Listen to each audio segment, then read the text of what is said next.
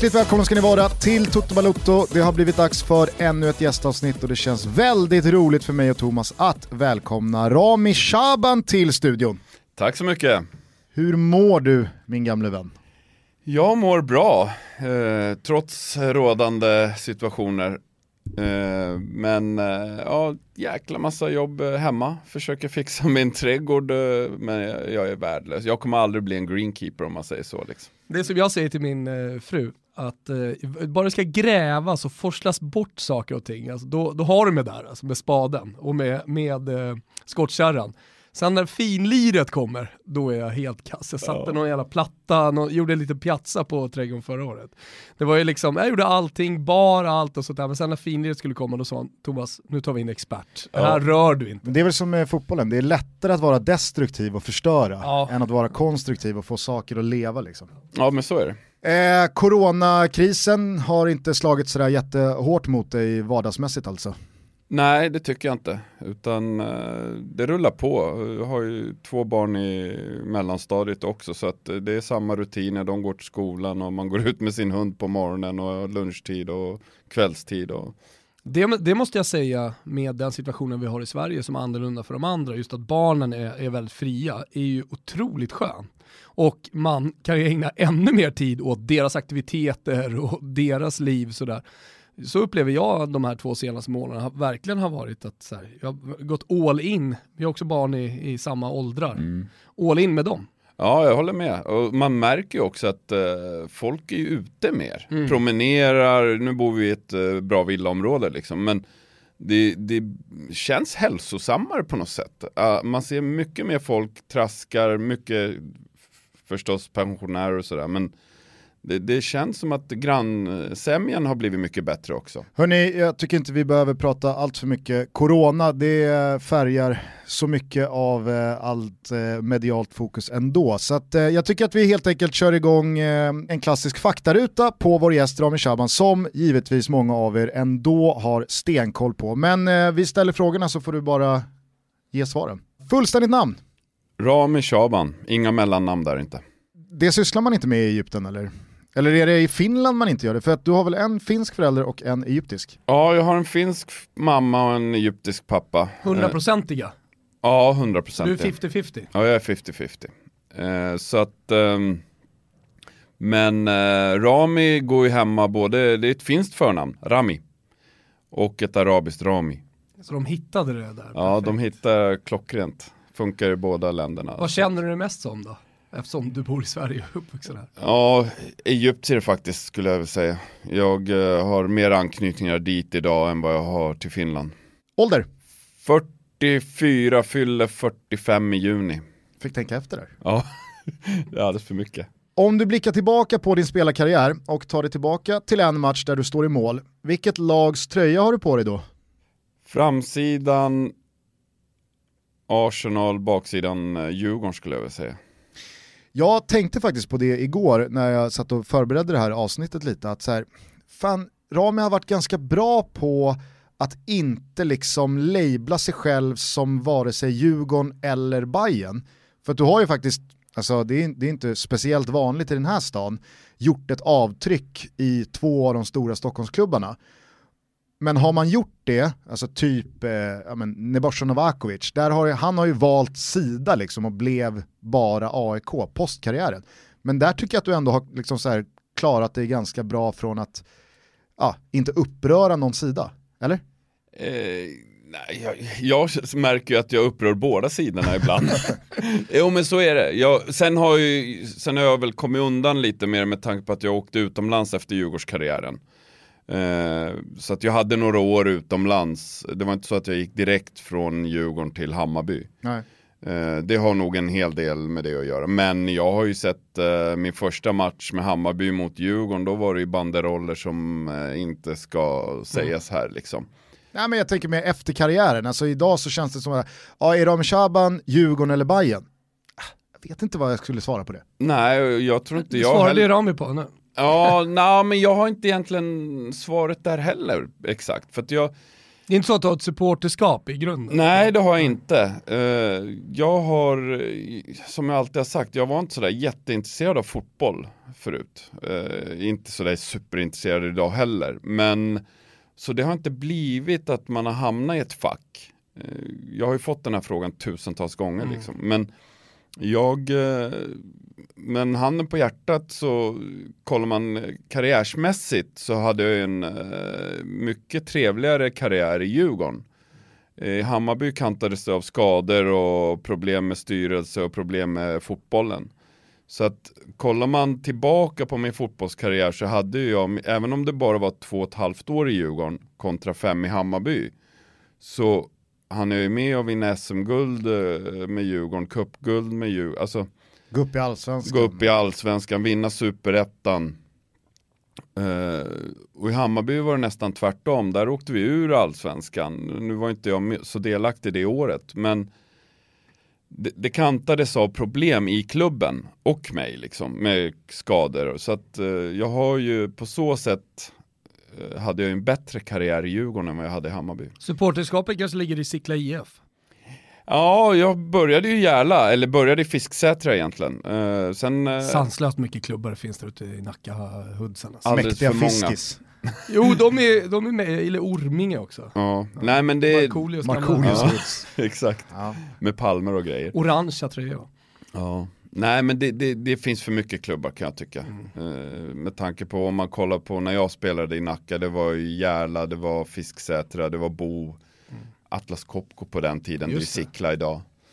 Så att, eh, men eh, jag håller mig där ute så mycket som möjligt. Men har du bra touch och kontakt med både Djurgården och Bayern idag? Eller är det, liksom, eh, är det avslutade kapitel? Nej, det har jag absolut. Jag har ju hälsat på i Kaknäs ibland och varit med på några veteranmatcher och jag har varit och hälsat på på Årsta IP och så att det är absolut uh, inga problem alls, utan mm. jag håller det 50-50. Hur skulle din bästa vän beskriva dig?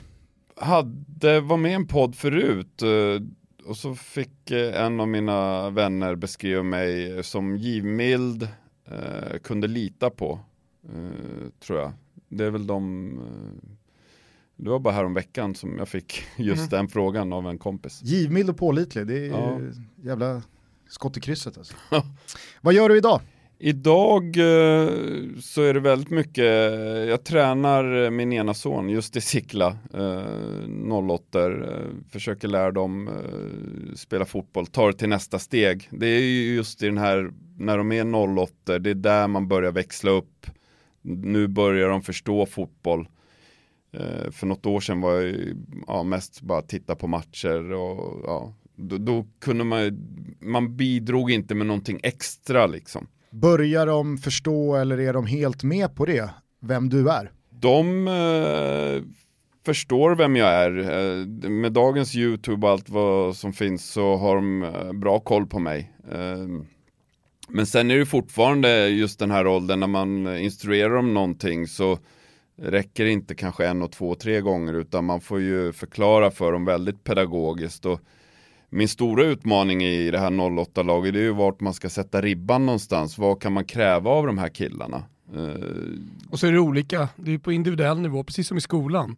Vissa kan man kräva mer av och vissa mindre. Ja, exakt. Och så ska man ha tid med alla. Uh, så jag, det första jag gjorde var ha ett snack efter varje träning med en person liksom. Så fråga hur de mår och vad de tycker. Och det är en bra grupp, eh, väldigt hög närvaro.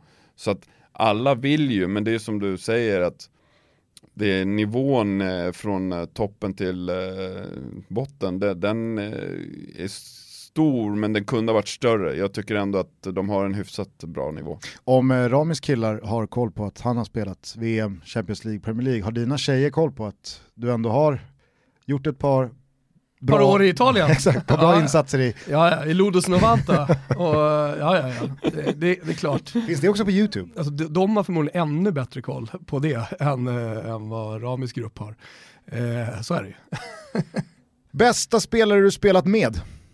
Uh, Henri skulle jag säga. Klokaste Bergkamp. Eh, om vi begränsar det till svenska spelare? Ja, det är Zlatan. Eh, men jag vill eh, ändå, den som har eh, nästan betytt, det var när Stefan Rehn kom till Djurgården. När vi låg i superettan. Den betydelsen var enorm för vår grupp. Sumpans stolthet. Exakt. Eh, vem är den bästa spelare du spelat mot? Oh, det finns en del. Uh, du har ju spelat mot Francesco Totti. Ja, jag vet. Att, jag tänkte uh, nämna Totti faktiskt. Uh, det gör ju dig glad. Ja, nej, jag tycker att det är rimligt eftersom han är den bästa. ja. ja, nej men sen kan jag tycka Battistuta har jag mött. ja, så att han spelade ju Roma då när vi mötte Roma. De hade ju ett grymt anfall. Det var Battistuta, Montella, Casano, Casano och Totti Del som Vecchio. jag hade Del Vecchio, Del var, Vecchio också. var också där. Så att de hade ett grymt lag när vi spelade mot dem. Men ni åkte ner och städade av dem ganska beskedligt va? Ja, hattrick av Henri. Det räckte. Tyckte du att det var rätt eller fel av Helsingborg att kicka Sören Kratz efter dennes förvisso alldeles för långa men också fullt begripliga ärevarv på Söderstadion 2002? Nej, det tycker jag inte. Jag tycker man ska uh, ha förståelse för vad han har gjort för Hammarby. Uh, så att, uh, nej, det tycker jag var fel. Vilka språk behärskar du? Jag behärskar arabiska, finska, engelska och sen väldigt, väldigt lite franska. Men fi finskan är liksom flytande och klockren? Den har blivit mycket sämre med åren. Min mormor gick bort för kanske 15-20 år sedan. Då klarade Var henne du pratade mycket med då? Eller? Det var exakt, och hon kunde ju bara finska. Så jag var ju Mm. tvungen att prata, för där, i den åldern, de kunde ju bara finska. Det fanns ju inte engelska eller svenska då. Nej. Så att eh, då behärskade jag finskan väldigt bra. Men eh, som sagt, eh, det var ju 15 år sedan. Så att nu så är den väldigt dålig, men jag skulle nog klara mig ändå i Finland Och arabiskan tog sig när du spelade i Egypten kan jag tänka mig. Ja, jag hade ju hemspråk hela vägen. Eh, den lärde jag mig ingenting av. Eh, det var bara för att få femma. Mm. Bety- höja medelbetyget. Men det är som du säger att det var när eh, jag flyttade till Egypten när jag var 20. Mm. Då bodde jag där ett år och därifrån. Eh, och sen har jag sommarhus där just nu så jag åker ner väldigt ofta. Så att, eh, men den är ju inte klockren men eh, där klarar jag mig bra. Ändå en jävla fet spridning på språkpaletten. Alltså det, Thomas, där är det så här, ja men italienskan gör att han kan liksom närma sig spanskan. Eh, och så finns det väldigt mycket grund i franska, så att de hänger ju ändå ihop de språken. Finskan, svenskan, arabiskan, engelskan, så jävla liksom. Ja, eh, finskan språk. har man ju inte sådär jättemycket nytta av om man ska är ärlig. Arabiskan däremot så har du ju Ja men det är det jag menar, många det är väldigt språk, olika språk. Liksom. Ja, det, är- det, är- det, är ju, det är ju häftigare. Ha, har du någon här hemma som du pratar arabiska med till exempel? Nej, skämt pratar mest. Ja. Jag har tremänningar och sånt som är från Egypten som eh, jag kan skämta med och snacka lite arabiska, men då blir det inte de här vanliga Nej. konversationerna. Eh, vad lägger du pengar på? Jag har haft en period där jag har snöat in mig på smarta hem. Eh, all sån här Philips hjullampor, Ikeas trådfri. Det var därför du eh, reagerade på att vi hade Sonos, Sonos ja, ja, exakt. Det har jag också hemma. Ja, eh, ja. och i Egypten faktiskt. Ja. Eh, Men är det liksom åt eh, Det var Fredde Schiller? Rami sa när han kom in. Ja. Men är, är det liksom Fredde Schiller i Solsidan vibes? Ja, men just det här snöa in mig kan jag göra på just sådana saker. De andra i familjen blir galna på mig för att trycker man på den där jäkla strömbrytaren så bryts ju allt. Då kan ju inte jag röststyra hemmet. eh, och då bara, vad fan tänds inte den här? Så, Du ja. ser klockan också va Gusten? Den, Ja. den är ruskigt smart. Jag såg faktiskt en eh, tvådelad dokumentär om Amazon, Mm. eh, på, eller eh, om, eh, vad heter eh, han heter... Bezos. Eh, exakt. Då så framgick det ju väldigt tydligt att alla som har liksom köpt in sig på den här ja, men, eh, smart eh, högtalare som man pratar med, så här, man är ju dunderövervakad ja det, det vet jag om. Eh, och alla Det är säger någon det, som till har mig. stenkoll på Ronny Jo, men, å andra, Schallans liv. jo, Jo, jo, men å andra sidan så här, då kan du ha ju hur mycket koll som helst. Vad är det jag pratar om då? Det är någon jävla entrecote från Ja, eh. Nya Zeeland och n- något rödvin som ska in och snacka lite fotboll med Alba och Stella. Så Jo, men det är ju så, Övervaka alltså. mig. Jo men det är ju, alltså vad, vad har jag att dölja liksom? Det, vissa är ju jättehysteriska för det där liksom, att ja, någon hör mig och övervakar mig, du kan genom kylen liksom, kan folk komma in i ditt nätverk och hit och dit. Ja, so what liksom? Det, jag har ingenting att dölja. Eh, vad, vad minns du från liksom, eh, åren i Premier League och Arsenal när det gäller just splash the cash? Vem, vem, eh, vem var mest extravagant där? Eh, jag skulle nog, eh, det, det är ju så här små grejer liksom som eh, eh man tänker på. Eh, det var nog de här, inte de här lite äldre herrarna utan snarare kanske de här ungtupparna som var på väg upp. Ashley Cole till exempel. Eh, det blingar lite om hans klocka eh, och det är ju mycket klockor. Eh, Bilar var det väl eh, ingen som egentligen, eh, ja vissa körde ju Ferrari och sådär men det är inte på samma nivå som i Italien kanske. Eh, där var det just, just bilar status liksom. Men kände du någon slags press att okej, okay, man behöver nog ha en klocka för en halv mille och man ska köra en viss bil eller gick det att ramla in från Kaknäs och liksom, nej men fan jag, jag, kör, jag kör en Polo. Jo men det gick, det tror jag är lättare i England än om vi nu tar Italien igen. Eh, vi hade ju Martin Kion i laget som inte var extravagant liksom, han körde en Saab har jag för mig liksom. Eh, Mäktiga Saab. Ja exakt. Mäktiga Kion. Ja, nej så att eh, du hade ju både och, men sen fick man ju höra ibland liksom att, ja fan, jag, jag, tror att jag körde en uh, Audi A6 eller något sånt. Det var fan, vad har du husvagnen liksom? Mm.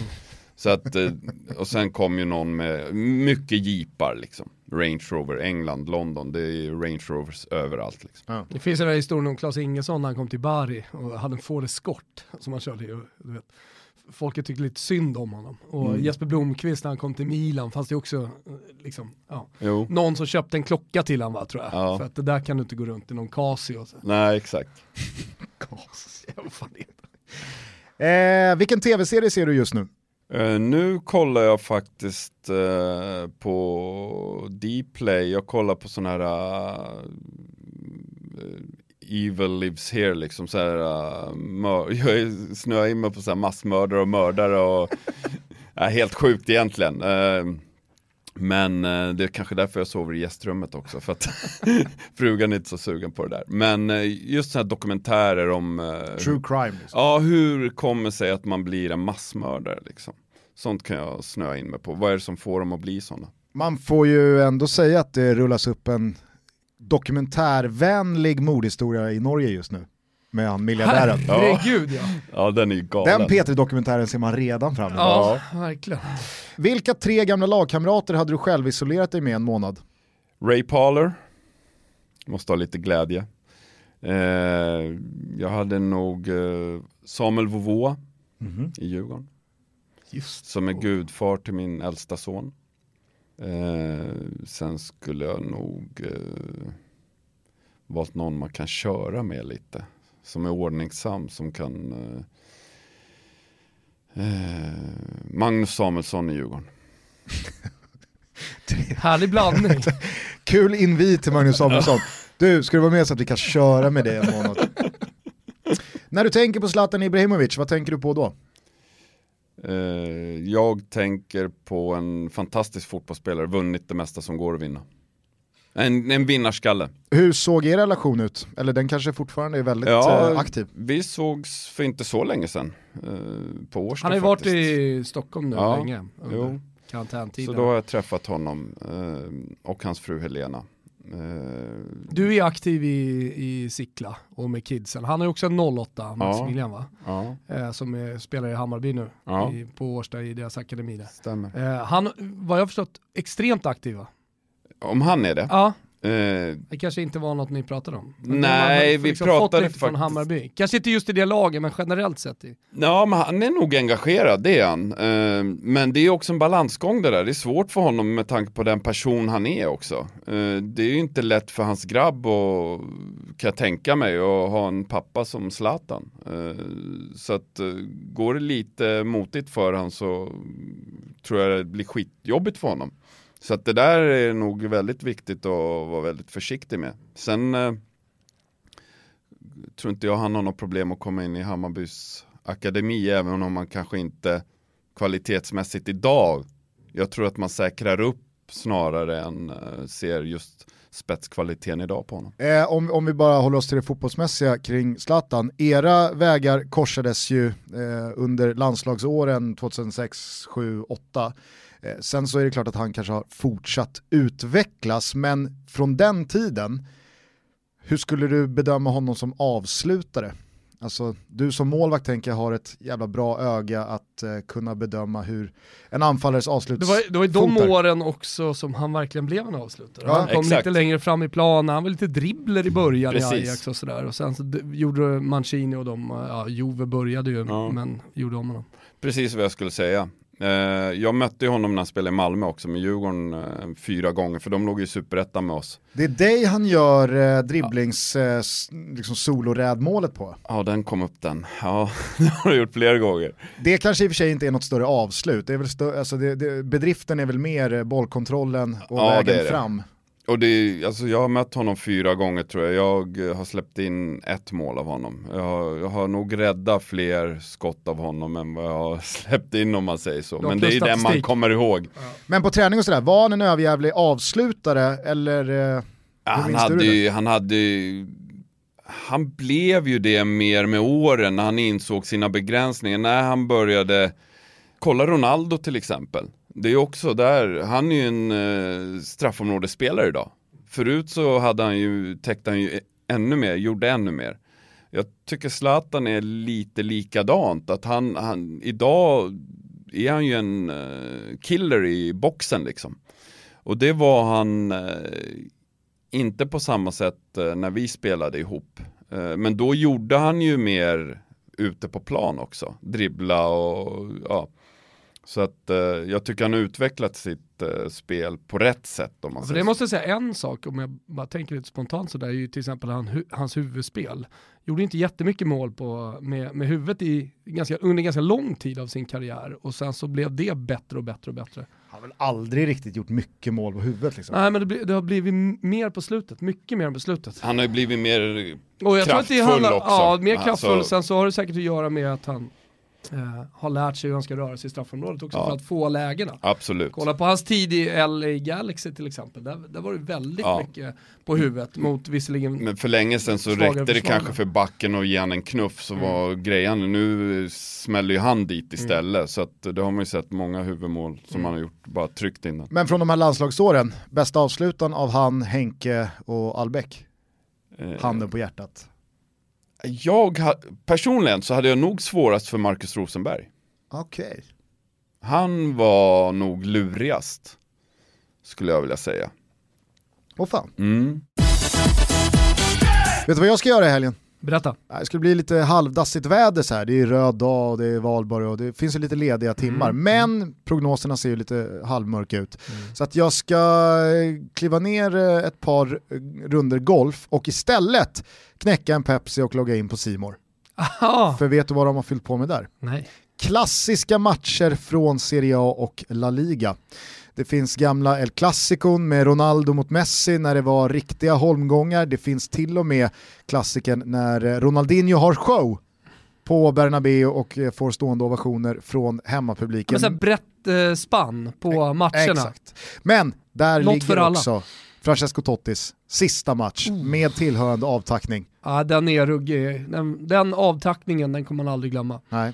För er som inte har sett den, gör det. Man behöver Mm. inte liksom, eh, vara en Roma-supporter eller en eh, Francesco Totti-dyrkare för att uppskatta den. Den är verkligen 5 plus. Ja, så är det någonting som man ska ha med sig, annars kan man ingenting om eh, fotbollshistorien. Den ska man ha sett. Härligt att ha med oss eh, Simor va, eh, i båten. Jag vill också rikta ett stort tack till eh, Pepsi som är med och möjliggör Toto Balutto. Det har börjat komma in små videos på, du vet, spraket, isen, fulla glas, Citronskivan. citronskivan, Sommarpepsi. sommarpepsin. Ja, det jag, in. jag ska ta en sommarpepsi till de här Ja. klassiska matcherna. Glöm inte bort att filma. Nej. Jag älskar spraket när pepsin möter isen och sen citronskivan, man ser hur god den kommer bli. Mm. Citronskivan nästan som en liten dörröppnare. Som en sån Till här... eh, himmelriket. Ja, ja, ja men exakt. Till Alltså, paradiset Gustav. ja, men vad, he, vad heter det liksom, inte konciliera utan de som eh, etablerar relationen Ja, mellan då pepsin och isen. Ja. Det är citronskivan. ja. Eh, ja, det ska bli fantastiskt. Då går vi vidare. Du dricker inte alkohol va? Nej, Men du älskar kaffe. Så vem från fotbollsvärlden hade du helst tagit en kopp java med? Totti. jo men jag måste ju välja en italienare. Det måste jag, det är ju kaffets hemland nästan. För eller emot pyroteknik? Eh, Nu är jag hundägare va? Så jag är emot. Ja, det, är, det är en liten så här halvgardering. Nyårsafton, sämsta dagen på året. Ja exakt, men som tur är så vår hund har inte reagerat sådär illa som jag har hört vissa andra hundar göra. Men eh, från spelarkarriären, kunde du gå igång på liksom ett bengalhav och rökbomber och sådär? Ja, ni, när det det stod och radade upp er. Ja men det tycker jag. Det ger ju en helt annan krydda på derbyna framförallt. Det var ju då det var bengaler. Det tyckte jag var skithäftigt. Eller stod du där och tänkte på astmatikerna och liksom, vad Ja, fan, men på, på, nej. den, på det här. den tiden Nej. diskuterade man, det var inte ens en fråga på Nej. den tiden. Alltså, kollar man på gamla simor sändningar Ja. det finns ju en del matcher som kommer Ja. nu, alltså kommentatorer och allting. Det var ju bara wow, nu kommer det syditalienska, jag på att säga sydeuropeiska in i, Ja. i våran läktarkultur och sådär. På den tiden fanns det ju inget för eller emot. Nej, alla det var ju i ing- stort sett alla var för det, liksom. Ja. absolut. Det var, ju, det var ju kryddan på det liksom. Det var ju det som skapade stämningen på derbyna. Vem, vilka eller vad hade du på väggen i pojkrummet? Maradona, Det jag var, vilja säga. Jag älskar den tröjan som Napoli hade på den tiden. Den var så jävla fin. är det den med mars, Ja, reklamen över bröstet? japp. För eller emot VAR? Uh, uff, svår fråga. Jo, men det, det går inte bara att säga ja eller nej. Uh, jag, jag tycker att uh, i, om jag måste välja skulle jag säga emot. Uh, jag tycker att fotbollen ska få vara fotbollen. Sen självklart så, men det är en miljonkronorsfråga liksom för att det, det är så mycket pengar i det och sen hur det nyttjas och hur det används. Kan man sköta det på ett bra sätt, fine liksom, men jag tycker att idag så gör man inte det. Favoritarena? Highbury. Jag hann aldrig besöka Highbury, eh, men det är ju en av de liksom mest eh, mytomspunna arenorna som har gått i graven. Så vad, vad, vad var det som var så jävla speciellt med det? Först och främst eh, gräsmattan var ju fantastisk. Det Den var något var, annat än din trädgård i ja, en jäkla skillnad. Min trädgård är ungefär som Olympiastadion i Rom var ungefär. Den var katastrof när vi spelade eh, hur som helst, eh, nej men det är ju just det här när man kommer in eh, vid Marble, eh, alltså det är så mycket historik eh, kan jag tycka. Eh, inga löparbanor. Eh, sen satt man, eller man satt väldigt nära planen. Så att det var nästan så att man eh, spelade på Stadshagen försäsongsmatch när du hade alla fans runt plan. Den känslan var det. Det enda nackdelen är kanske att den var öppen vid sidorna. Eh, det kan jag tycka om man ska hitta något minus med Highbury. Eh, mäktigaste numret du har i din telefonbok? Mm, eh, det är nog uh, Henri skulle jag vilja säga. Hörs ni? Eh, nej, det gör vi inte. Jag vet inte ens om han har kvar det numret. Det är högst sannolikt eh, så har han inte kvar det numret. För det byts nummer hit och dit liksom. På något sätt så, alltså så här, jag är med dig, det tänk, jag tänker också så här, äh, men fan de där, de där spelarna, de där personligheterna, de, de borde väl rimligtvis byta nummer titt som tätt. Men sen så tänker jag också så här, varför då? De tycker väl det är lika jobbigt att byta nummer som en annan? Ja. Eller? Ja, Eller så har de folk som gör det åt dig. Ja, nu kanske, men då var det ju i alla fall det här att det var inte, du hade dina närmsta, du hade en telefon för dina närmsta.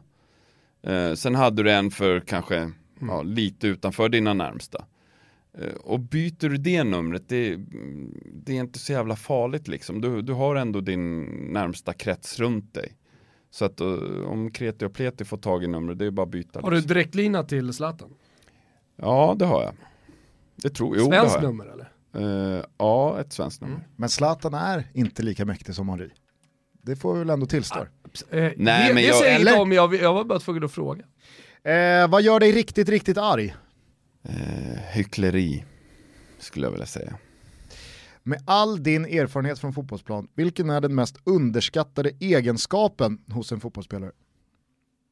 Och nu tänker jag att du får hålla dig till utespelarna, för vi ska köra lite målvaktsfrågor sen. Eh, mest underskattade, det är en spelare som gör andra spelare bra. Det var fan exakt vad Janne sa när han var här för några veckor sedan också. Aha. Alltså den här förmågan att bara med små, små detaljer, kanske en position, kanske att sätta passningen på rätt fot, att prata, att styra, att liksom lyfta andra spelare. Ja. Hur många som har den? Jag sa ju att Bergkamp var den klokaste. Eh, han är ju den som, är, som jag tänker på direkt när jag får den frågan. Eh, och det har jag sagt förut också, Henri skulle aldrig vara den spelaren han var, eller blev, om inte han hade Bergkamp bredvid sig. Nej. Eh, så att, äh, fantastisk fotbollsspelare. Gjorde äh, saker som äh, ingen annan kunde göra. Bara på tal om Bergkamp nu när han dras upp och vi faktiskt sitter med någon som har spelat med honom och delat omklädningsrum med honom. Pratade ni någon gång om, han, om hans flygrädsla och hur den liksom handikappade honom som en spelare över en hel säsong? Han åkte ju inte på bortamatcher som krävde flyg och så vidare. Ja, vi alltså hur jävla nojig var han? Jo, vi pratade om det ganska mycket han och jag. Ja. Eh, för jag tycker också det är lite obehagligt att flyga. Eh, så vi, eh, jag pratade, inte en och två gånger, vi hade långa samtal om just flygrädsla. Och han, hans råd till mig var att Rami, börja inte att inte flyga. Eh, för då kommer du förmodligen inte flyga. Eh, för han åkte ju upp med lagbussen. Eh, med eh, materialarna. Eh, och jag frågade om jag skulle hänga med någon gång eh, i lagbussen istället för att ta flyget. Han bara, nej gör inte det. För att... Eh, ja, liksom öppna den dörren. Mot, ja, öppna inte den dörren. Utan... Hur många procent flygrädsla var det, hur många procent var det, fan här har jag en öppning och skaffar mig en riktigt tight relation till Dennis? nej, det, var, det handlade faktiskt bara om flygrädslan. Eh, sen eh, våra materialer var hur sköna som helst, som de flesta materialer är i de här fotbollsklubbarna. Fantastiska människor, gör ett jäkla jobb gör de. Eh, så att, eh, nej men det var enbart flygrädsla. Det var, men just det här att Sen i England är det inte, det var inte så jäkla svårt, det är inte så stort land heller så att uh, han stack, det var knappt man märkte av det på de inhemska matcherna att han uh, inte var med på flyget.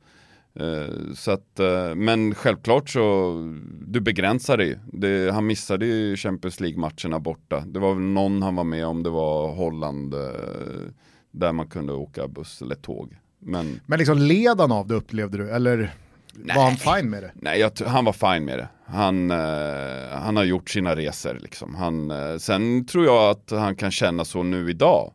Eh, med tanke på om man ska resa med familjen. Mm. Eh, det tror jag däremot, eh, snarare än fotbollsrelaterat. Sen om han missar en, han har ju spelat alla de här stora matcherna liksom.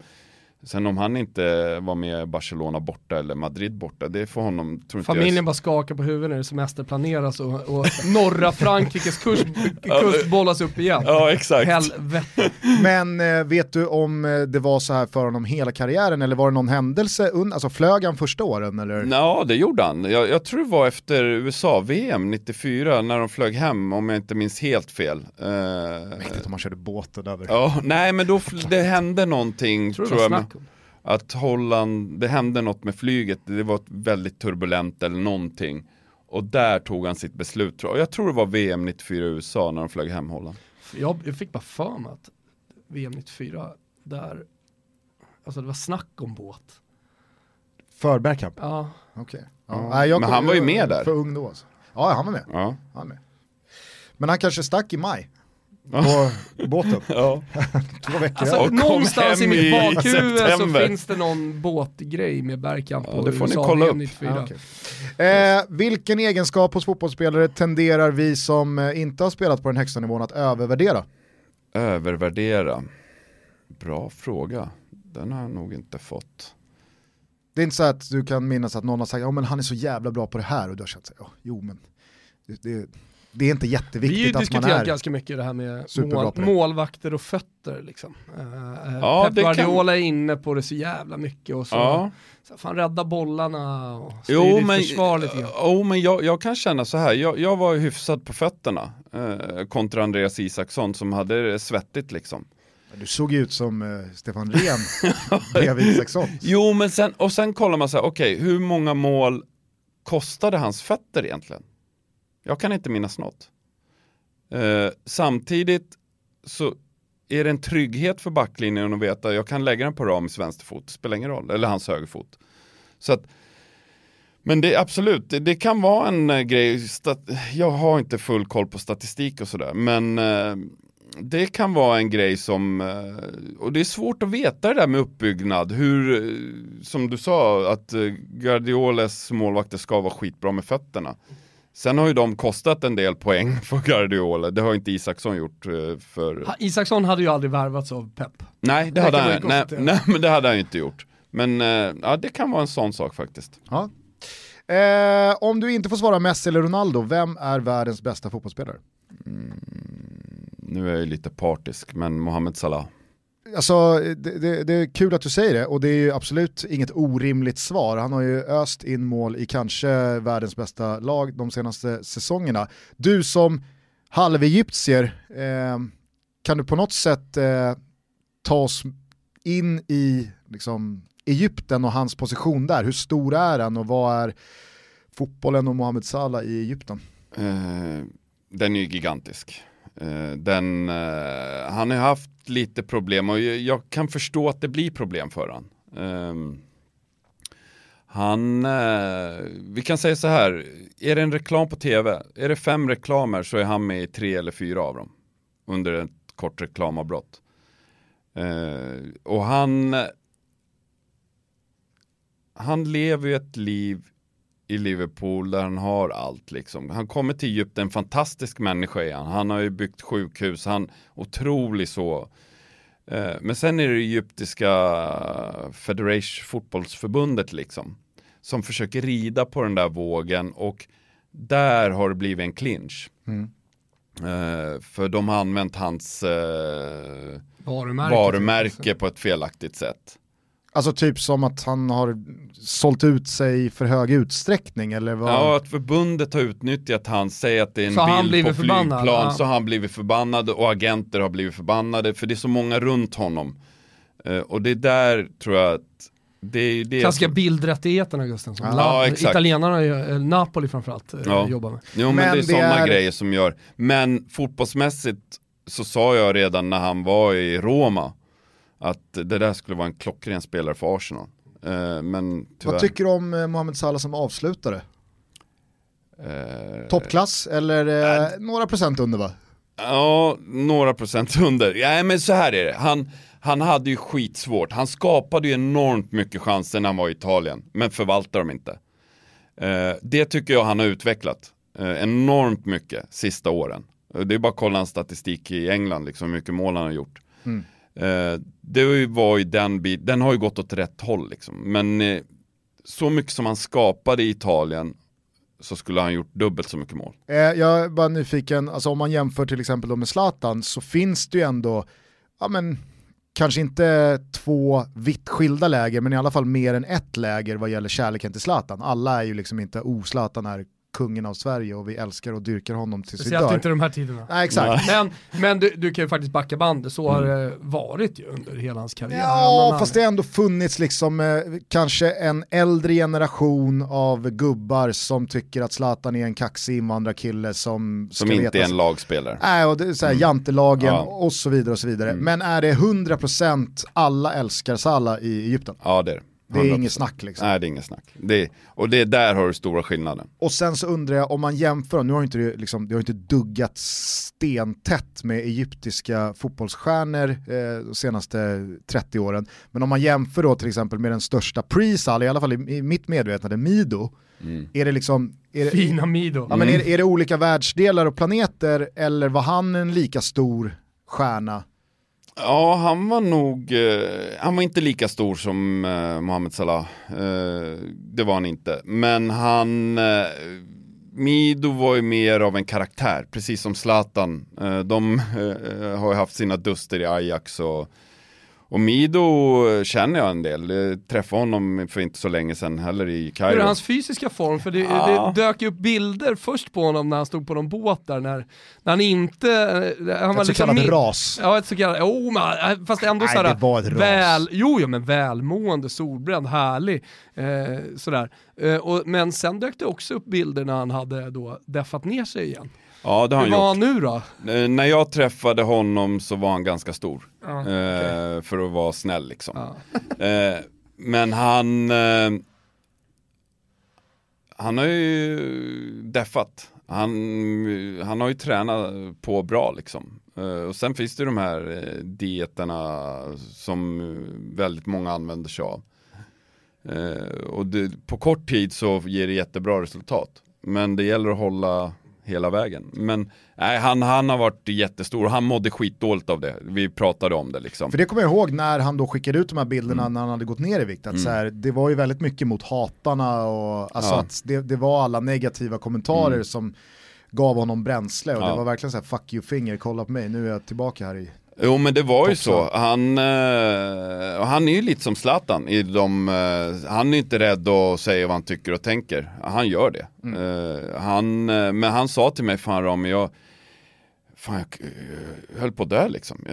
hjärtinfarkt. Eh, så fort jag skulle bolla lite med trasan liksom. Då fick han sig en väckarklocka, det här går inte, jag måste göra någonting. Um, Känns att... som att han är svag för livets goda. Ja, det, ja. det är han nog. Eh, bara kort innan vi släpper den egyptiska fotbollen. I och med Mohamed Salah eh, och hans liksom, position nu som en av världens absolut bästa spelare. Eh, nu åkte han ju på den där axelskadan efter Champions League-finalen inför VM 2018 och det kanske blev en besvikelse för egyptierna. Eller liksom så här, vart skulle du säga att man man ser sig själva i fotbollshierarkin. Drömmer egyptier nu om att med Salah så kan vi bli ett av världens bästa landslag och, och vinna VM eller? Nej, riktigt där är de inte. Eh, sen egyptier är ju väldigt patriotiska. Eh, det var ju någon match där det var ju över två miljoner utanför arenan och såg matchen för att det inte fick plats. Det var ju den matchen som eh, spelades i Alexandria eh, inför för om de skulle ta sig till VM. Så, så att det, det, alltså, jag tror inte man förstår hur, stort fotbollen, hur stor fotbollen är där nere. Nej precis, och då tänker jag, i sådana länder så brukar det ofta komma en hybris också när man får fram en riktig världsspelare. Jo, och, och hybrisen finns där. Eh, sen får man ju inte glömma heller att de har inte spelat VM sedan 90 eh, Italien tills nu senast.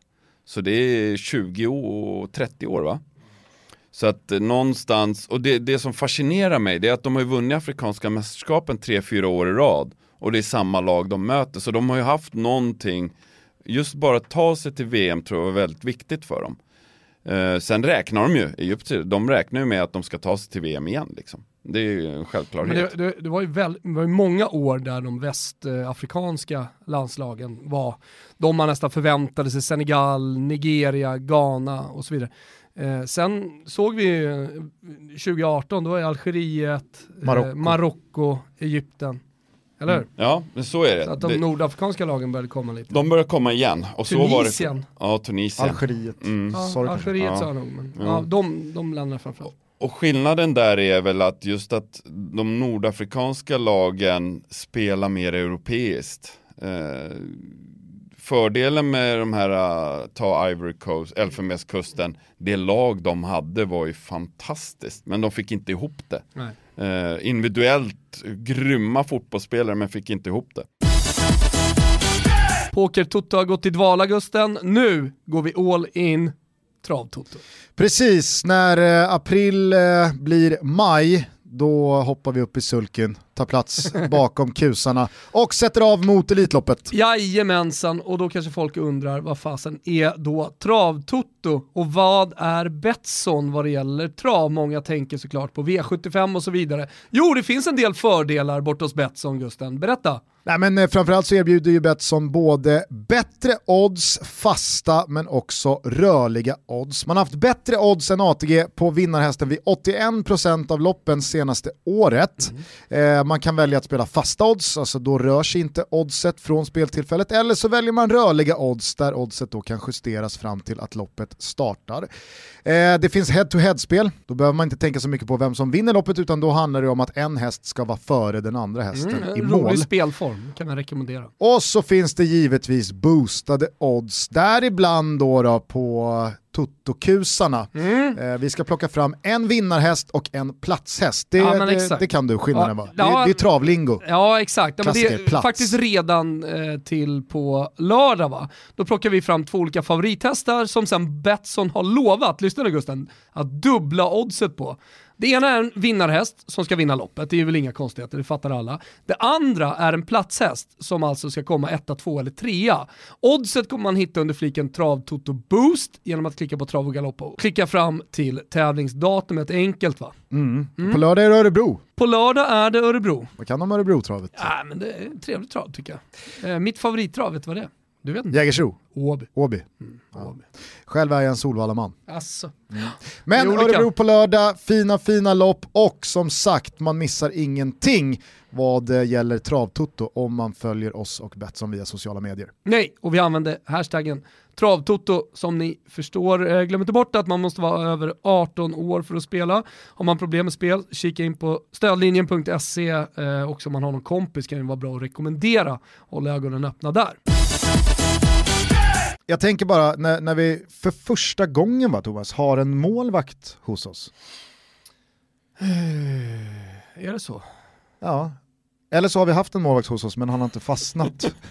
Ja, På- på vår näthinna. det skulle i så fall varit någon, någon journalist som har besökt oss som är gammal målvakt. David, Niklas Holm. David Fjäll, David Fjäll, gammal gammal keeper i. Vasalund va? Ja, exakt. Ja, ja, Numera utespelare. David Fjäll är, Fula, fulaste spelaren eh, där ute i, i benknäckarligorna. Fjäll är mycket men han är fan inte liksom först och främst en gammal målvakt. Nej, nej, nej. nej. Eh, nej men då tänker jag bara eh, en lite så här målvaktsspecial eh, vad gäller frågor som ändå eh, kan vara kul att, att höra från dig som har varit på den yttersta nivån. Vad tittar du först på hos en målvakt? Eh, auktoritet, skulle jag vilja säga. Behöver Karisma. man ha den för att nå hela vägen? Nej, men det ger lite mer färg liksom. Det finns ju målvakter som inte har så jättemycket karisma som har varit en av världens bästa. Sen finns det de som... Vem tänker du på då? Eh, Casillas till exempel, är inte den där som sticker Den ut. lågmäld. Ja, lågmäld, eh, gör inte så mycket väsen av sig. Tycker Isaksson, eh, Isaksson också är är en också sån här en målvakt. Ja, Bra Absolut. på mycket men det är Ja. inte liksom, det, det är inte en alfahanne som står och gormar med 100 kilo och får, sätter sig i respekt Nej. hos alla. Inte Nej, Oliver exakt. Kahn. Nej, Schmeichel. Nej men Ah. sen har du sådana som Buffon till exempel, som, han har karisma liksom, han har respekt bara han står där. Eh, Så att du har en hel del olika varianter på målvakter, det har du. Är det någonting som du jobbar med dina spelare också sådär nu när du är ungdomsspelare? Ja, jag vill att de ska höras mer, men det är Ah. generellt, jag tror det är inte bara målvakter. Jag skulle man- kunna ta en timme och bara stå, stå och vråla med dem, eller Ja hur? exakt. Det är Högre! Det, som, ja. Det ska eka hela precis. jävla Nacka. Och sen spelar de vid sidan om innan träningen, då hörs de som fasen Mm. liksom. Men så fort de kliver in på fotbollsplan, då är det som tysta möss. Det är det som fascinerar mig. Eh, nej men vi pratade lite tidigare om just eh, fötterna hos en målvakt, att den egenskapen tenderas ibland kanske av vissa att övervärderas. För att jag menar, jag tycker att Claudio Bravo är väl det, det bästa exemplet på en sån här målvakt som pinpointas av Pep Guardiola, ska värvas till ett världslag för en egenskap och sen så tvålar han ändå in ett par bollar per säsong och så känner man så här, är det inte bättre att man har en målvakt som tar skotten som kommer emot honom? Lite som innan, det vi snackade om. Exakt. Mm. Eh, kan det där liksom, kan det där skilja sig från tränare och lag? Eller finns det liksom några allmängiltiga sanningar skulle du säga? Nej men det skiljer sig från tränare och lag, det gör det absolut. Om vi säger så här, det där går ju också i faser tror jag. Eh, förut, på min tid, då började målvakten måste vara stor, lång, Mm. för att eh, vara en målvakt. Innan dess hade du Joel Batz, du hade ju målvakter som var 1,80. Mm. Det går inte idag. Du- Peruzzi, Ja, precis. 1,66. Campos i Campos. Mexiko. Bartes han var ju Ja. ändå i den här generationen när man skulle vara stor och, Ja. och pondus i luften på inlägg och allt det där. och Casillas, eh, han är ju inte så jäkla liten som han alltid ser ut. Jag, jag kollade någonstans, han är ändå en och, närmare 1,90 liksom, men ser li, ganska kort ut. Mm. Eh, nej men absolut, jag tror den eran är förbi. Det, det kommer nog inte gå att vara jättekort. Eh, en optimal är väl egentligen en sån som det sker. Uh, bra på fötterna, reaktionssnabb, eh, kan bli lite bättre i luften. Vem Eh. håller du som världens främsta målvakt idag? Jag gillar Oblak. Ja. Eh, det är en målvakt som är Han är också inte så här som inte gör så snacka som- mycket väsen av, men, men har ändå någon slags low-key karisma och, Ja. tycker jag. Och, Ja. och har pondus i straffområdet. Ja. Ibland kan man ju leda genom sitt spel också. Ja exakt. Det, det är en målvakt jag brukar på. ta upp för att han eh, får inget, alltså han syns liksom inte utan Det är väl också en målvakt som har lite allt. Alltså Ja. det är ingen egenskap som sticker ut. nej, Och i, alltså åt något håll. nej, Han är jätte, jättebra på det där eller Nej. jätte, jättedålig på det där nej. Eh, och det, som utespelare kanske du har en större variation liksom. Du har någon som är snabb, du har någon som är stor, du har någon som är en klok eh, spelfördelare liksom. Eh, målvakt, det, det tränas ju mycket, mycket mer idag som målvakter också. Förut var det du kunde ju ta engelsmän till exempel. Sen när hade de, det, det, de har haft det problemet i alla år, hitta målvakt. De har inte haft någon egentligen sedan David Seaman som spelade kontinuerligt. Eh, I England så måste du hantera pressen på ett speciellt sätt. Det kanske du inte behöver på samma sätt i andra stora nationer. Nej. Så att du måste, du, jag tror det handlar mer om vilka nation, vart du spelar liksom, vilken nation. Olika målvaktsskolor. Exakt. England är ju väldigt mycket så, ah, är du bra på att sparka långt? Ja, skitbra liksom. Men är du, är du av den uppfattningen som eh, fotbollsförbundet och det som råder inom eh, breddfotbollen i Sverige, det här med att man ska spela ut det och så ska man ha fyra, fem olika mål. Ju, ju längre upp i åldern du kommer, det är egentligen det jag vill säga, ju längre upp i åldern du kommer desto mer utpräglade målvakter får man, men så vill man ha, vill man ha dem som utespelare. Eh, Tycker du att det är bra? Alltså för jag, jag har nämligen varit inne på, jag ska testa det på dig, jag har varit inne på att man kanske tidigare eh, ska börja träna målvaktsspel mer för att få fram bättre målvakter. Eh, jag skulle, mitt svar, jag började ju stå när jag var 15-16. Eh, sen kanske jag är, Men hur bra hade det blivit om du började vid ja 10? det vet vi ju inte. det är det som är frågan liksom. Nej men jag tror någonstans också att du måste, eller måste, ta, ta min son till exempel. Eh, han eh, står i mål och spelar ute. Jag vill att han ska spela ute ibland för att få förståelse för spelet.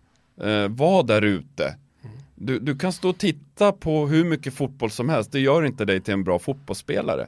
Utan du måste vara där och känna det liksom. Det håller jag med om. Däremot så tycker jag att man glömmer bort målvaktsträningen, det finns inte tid till Det gör man och det har man gjort Det i glömmer alla klubbar år. bort det, också. Absolut, det har man gjort i alla år kan jag tycka. Eh, så viktig position som det är. Mm. Där tycker jag italienarna är jäkligt bra.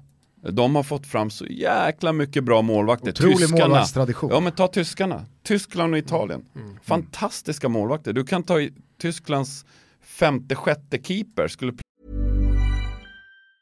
Normally, being a little extra might be a bit much, but not when it comes to healthcare. That's why United Healthcare's Health Protector Guard fixed indemnity insurance plans, underwritten by Golden Rule Insurance Company, supplement your primary plan so you manage out of pocket costs. Learn more at uh1.com.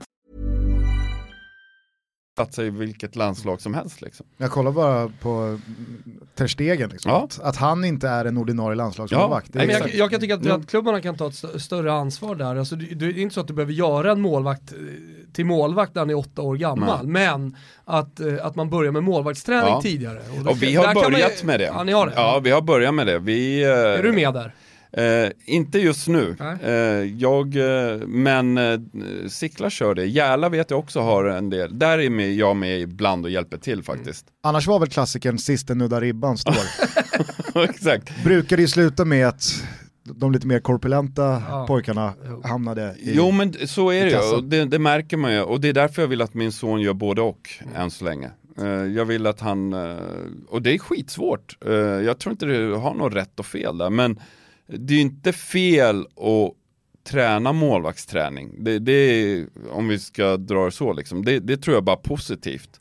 Eh, Det är också lite, eh, jag tänker det är smidighet i det som man kan ta med sig upp det är också. smidighet, koordination, det är väldigt mycket som du tränar extra liksom för att bli en bra målvakt. Finns det någon eh, yngre svensk målvakt som du tittar lite extra på och håller högt? Och då pratar jag inte liksom om någon 14-åring som du har sett på något läger, utan någon i allsvenskan som ja, kanske är redo att ta över efter Robin Olsen när hans eh, tid är Hur många yngre finns det i Allsvenskan som står? Ja. Ja, men det finns Marco väl- Johansson, Ja, men jag, alltså, så här, väldigt många pratar ju om Isak Pettersson i, i Norrköping, eh, du har Pontus Dahlberg som lämnade Göteborg för Watford eh, för Kollar du ens allsvenskan? så. Ja, det gör jag en del, absolut. Eh, sen, eh, det där är ju så jäkla svårt. Vem fan trodde att jag skulle hamna i Arsenal liksom?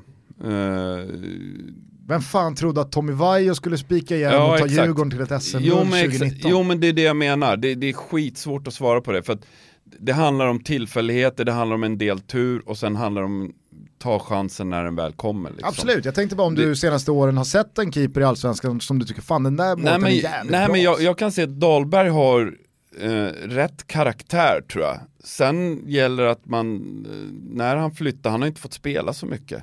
Eh, det handlar om speltid också. Visserligen fick ju jag knappt spela så mycket i Djurgården och eh, sen fick jag inte spela så mycket i Arsenal heller visserligen. Men det handlar om att ta chansen när den väl kommer för du får inte så jäkla många chanser. Och sen Nej. är du 19 år och gör några grodor, det är inte så jävla lätt eh, att, hantera, att mentalt. hantera det mentalt. Är du stark mentalt, det är ju omöjligt att se förrän du har blivit testad. Det hände ju Oskar Linnér till exempel. Ja, exakt. Men det, det är väl liksom, det har väl alltid varit den, den stora distinktionen mellan målvaktspositionen och andra positioner, att det finns heller inte tid att någon vecka eller två veckor senare slänga in den keepern då sista kvarten för att bygga upp självförtroende utan målvakten står. Ja, det är, exakt. Och, och, det är det som blir, för mig är det mer intressant så här, jag, när, om vi tar nu och pratar målvakter, säg att en målvakt är en skitdålig match. För mig är inte det stora problemet. Mitt stora problem är hur hanterar han nästa match? klarar han av att leverera nästa match? Och matchen efter det? För jag vet själv att när jag var i fysisk balans, jag kunde göra en dålig match liksom, som vem som helst. Men sen visste jag, eller visste, jag levererade nästa match. Men mådde jag dåligt mentalt så hade jag svårt att leverera bra matchen efter. Så det, det är så mycket faktorer som gör att en målvakt, ta det ske. Mm fantastiskt, bar United när de var som sämst liksom. Och sen nu gör han några grodor. Hur, hur hanterar han det? Det tycker jag är intressant som mål, gammal målvakt. Se hur han hanterar sina motgångar. Och det bevisade han ju ändå på ett jävla bra sätt i början av United-karriären. För det var ju också, ja. alltså första halvåret, första ja, säsongen så var det ett par grodor rejält när han gick ut och hängde tvätt eller missade bollen och sådär. Och det slutade som det gjorde. Ja. Eh, så att, eh, han det är sådana saker ha. som för mig är intressant hos en målvakt. Det, det, är svårt att se ungdomsåren. Men eh, jag märker ju det även på de här yngre killarna att eh, de har en tendens att glömma fort. Eh, vilket är positivt. Eh, sen gäller det att ha bra folk runt omkring dig också. Eh, sista frågan bara på målvaktspunkten. Eh, en av de mest seglivade sanningarna inom fotbollen är att ja, men han är målvakt, han är lite galen eller han är lite liksom speciell. Så hur, hur, hur mycket ligger det i det? Eh, ingen rök utan eld. Eh, men jag har ju stött på eh, båda. Jens Lehmann var ju galen. Uh, utan att sticka under stol. Liksom. Du Men känns han... han som inte går under det epitetet? Riktigt. Nej, det gör jag nog inte. Jag, sen David Seaman var ju totala motsatsen mot Jens Lehmann. Uh, helt normalt, fantastisk kille. Jens Lehmann var också en fantastisk kille, men på fotbollsplan var han inte det. Då var han eh, ett helskott att jobba med. Liksom. Samtidigt så känns det som att David Seaman med sin hästsvans och sin mustasch liksom mm. odlade en fysisk appearance av att jag är, jag är lite pajig. Ja. det, här, det här är en clown. Jo, men han, han var väldigt sansad liksom. Han, han eh, jag kommer ihåg första gången jag kom till Arsenal. oh, welcome, uh, nice to have you here liksom. Det hade man ju aldrig fått av Jens.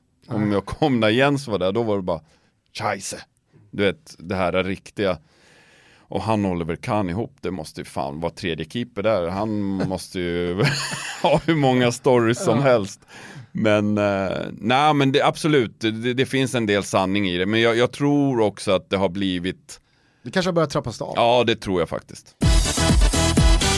Du har ju en väldigt eh, lång och minst sagt speciell karriär, men jag tänker att eh, istället för att ta den från eh, liksom, eh, åtta års ålder på grusplanerna runt om i Stockholm så är det väl lika bra att kasta sig rakt in i the juicy stuff. Eh, för de yngre lyssnarna så är ju din övergång till Arsenal kanske den mest uppseendeväckande och förvånande eh, som har skett i svensk fotbollshistoria. Du lämnar Djurgården där du 2002 liksom brottades med Andreas Isaksson om första spaden, han stod merparten av matcherna och sen hux flux så går du till Arsenal. Det är ju fan snart 18 år sedan. Ja. Vad, vad, vad minns du av de dagarna idag, alltså när det började brännas och när det liksom blev på riktigt? Ja, jag minns det väldigt väl. Eh, det var ju exakt som du sa. Eh, jag satt på bänken Eh, i stort sett hela 2002, förutom mitten på juli. Och sen var jag klar för Arsenal i slutet på augusti. Så fort kan det gå. Eh, och där är vi igen, ta chansen när den kommer. Men alltså, det, det, alltså, ursäkta om det låter liksom missunnsamt, eller så här, men var det en slump att Arsenal var på plats eh, och du stod och gjorde det jävligt bra, eller var Arsenal på plats för att kolla på dig och i sådana fall varför, om du förstår vad jag menar? Ja, jag förstår. Uh, nej, det var inte en slump. Uh, utan först och främst, eh, alla de här storklubbarna, deras scoutingnätverk är ju gigantiskt. De, de är ju och kollar på väldigt mycket matcher. Det är deras jobb liksom. Du har en scout för Norden till exempel. I alla stora lag har någon som kollar på match varje helg. Liksom. Eh, Arsenal, jag pratade med scouten som hade hand om Norden. Bennett hette han. Eh, träffade han efteråt också. Eh, pratade med honom. Jag bara, hur kommer det sig att ni tog mig liksom? Han bara, jag har följt dig sedan superettan. Och då spelade jag 29 av 30 matcher. Eh, och har följt mig. Eh, sen satt ju jag på bänken hela 2002. Fram till sommaren. För då kom ju Andreas in. Eh, och eh, han ville se hur jag hanterar de här stora matcherna. kunna sitta på bänken. kunna leverera när det väl är dags. Min första match där, jag satt ju som sagt jag vet inte hur, vilken omgång det var, men vi mötte faktiskt Hammarby. Mm. Ja, men jag kommer ihåg. Eh, i, på sommaren där, jag tror det var runt 15 juli, någonstans där. Eh, gick skitbra. Eh, Snuffe och Soran sa till mig att eh, du kommer få den här matchen Rami. Andreas kom hem efter VM i Japan 2002, var lite ringrostig, lite otränad, gjorde lite mindre bra matcher mot Örgryte. Afonso Alves mm. Eh, hängde ett par kassar på honom. Eh, derbyt gick jäkligt bra, det var skitkul. Eh, och sen rullade det på 5-6 matcher. Eh, spelade derby mot AIK, vann med 3-0. Eh, då... Den har du glömt. den har inte jag glömt. Kim Källström, frispark. Ja. Eh, då var chefscouten där och kollade på mig, Steve Rowley. Eh, då hade ju han Steve Bennett ringt, ja men kolla på den här, nu har han eh, börjat lira liksom, han hanterar det jävligt bra. För de såg ju mig som en efterträdare till David Seaman. Och visste att Seamans skadehistorik var sådär så att du kommer få en del matcher i Arsenal. Kommer du klara av att spela de stora matcherna? Eh, och det visade jag gång på gång då den sommaren i Stockholm. Eh, sen eh, fick jag ett, eh, jag tror det var Soran som kom fram till mig, Lukic. Ja då, men det är en stor klubb i England som är intresserad av dig. Jag tror han skämtade liksom. Ja, jo, fan, spelat typ 6-7 matcher i allsvenskan. Eh, sen gick det någon dag till. Eh, sen... Det är Arsenal. Det är ah, Arsenal nej, men då, nej men då, ja exakt, nej men då börjar man ju självklart klura liksom, så här, vilken stor klubb kan det vara? Ah, han, han hintade bara så liksom, han ja, sa Nej han sa inte vilken klubb det var.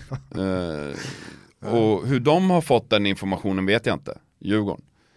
Eh, men eh, då kommer jag ihåg, vi mötte Norrköping borta och vann den. Andreas Johansson 1-0 straff.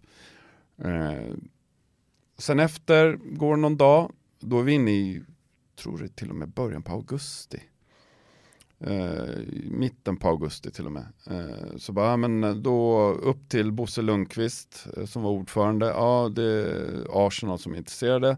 Och det kan vara så att du får åka över dit två dagar och provträna med dem. Eh, och jag hade anat att det var dem. Eftersom det var någon klubb som var intresserad. För United hade precis tagit in Bartes. Mm. Eh, han är det inte. Eh, och tänkte att David Seaman börjar bli med åren liksom. Så att eh, där, där kan det finnas något. Men det måste ju fortfarande känns helt jävla surrealistiskt. Jo, det gjorde det. Eh, med tanke på att eh, jag hade suttit och kollat på VM i soffan och sett David Seaman spela och släppt in det där målet mot Just Ronaldinho. Ronaldinho. Ja, som han fick mycket skit för. Sen kommer samtalet, jag är på en grusväg, jag bodde i Trollbäcken då, satt i min Ford Mondeo. Eh, får jag ett samtal, säger, jo men Rame du, eh, imorgon ska du eh, till England för att provträna i övermorgon. Eh, och då vart man ju, ja, det var ju overkligt liksom. Eh, sett dem, och jag älskar Highbury, när de kommenterar från Highbury, ser kamerorna, det, det är speciellt liksom. För de som inte var med på den tiden så kom man in mycket närmare planen än dagens arenor där man har mer utzoomad bild och det var ju speciellt. Ja, exakt. Alltid när det var Highbury. Ja, så att eh, det var en speciell känsla. Eh, så man jag, fick mycket Arsenal på den tiden också i och med att det kom svenskar. ja, du hade Ljungberg och. Limpan och hade varit där Mm. innan. Nej, så att eh, då fick jag ju hålla tyst om det. Jag skulle, och jag förstod det kommer ju läcka ut. Eh, började med passkontrollen. Ja, tjena Rami. Eh, var ska du? Jag ska till London en sväng. Eh, så då stack jag till London, hämtade de mig och så tränade jag två dagar. Sen, ja, eh, trä, träffade jag bossen då, Wenger. Bara, eh, nice having you here, we will see if we will get back to you. Liksom. Då, då hade jag ändå självförtroende liksom. Jag, jag kände fan träningarna gick bra. Eh, Det var bra go, jag tror jag passar bra in. Eh, Jag är ganska lätt att ha att göra med liksom. Eh, Så att, ehm, men sen började ju helvetet. Eh, Om man nu får säga så. Väntan. Ja, väntan och inte bara det, utan ena dagen så ringer min advokat, jag hade en advokat då.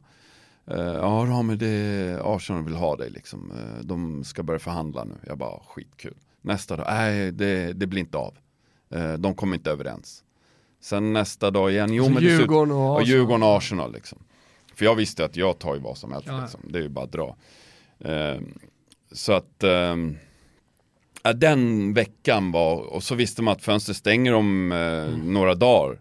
Eh, det här måste gå fort. Eh, och det stod mellan mig och en argentinsk målvakt, eh, Rocha tror han hette. Argentinsk landslagsmålvakt. Mm, men ja, det var mig de ville ha. Eh, så att eh, den, det, det, jag kommer ihåg det så jäkla väl för att vi hade en Uefa Cup, eller vi hade en Europamatch med Djurgården mot Shamrock Rovers på Råsunda. Alltid Shamrock som ska Ja, jag vet. Eller Cork. Ja. Eh, och då satt jag på bänken. Och Arsenals enda krav var att han får inte vara committed till Europa liksom, för då kan inte vi använda honom i Champions League.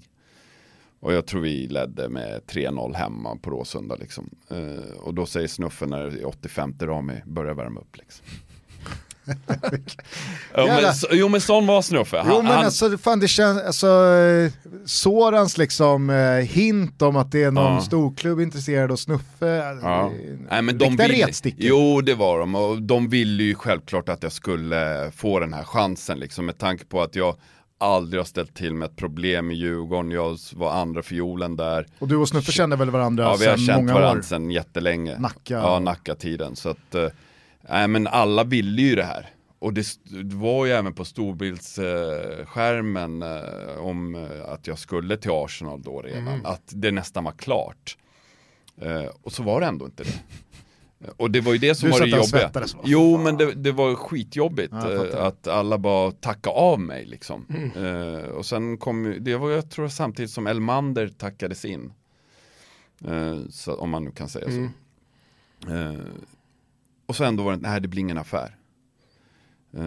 Och då började jag bli lack liksom. Jag bara, fan det här är min livschans Mm. liksom. Ni måste lösa det här liksom. Så att eh, det slutade med att jag eh, fick ju, det är en rekommendation att man aldrig har en eh, procent på övergångssumman.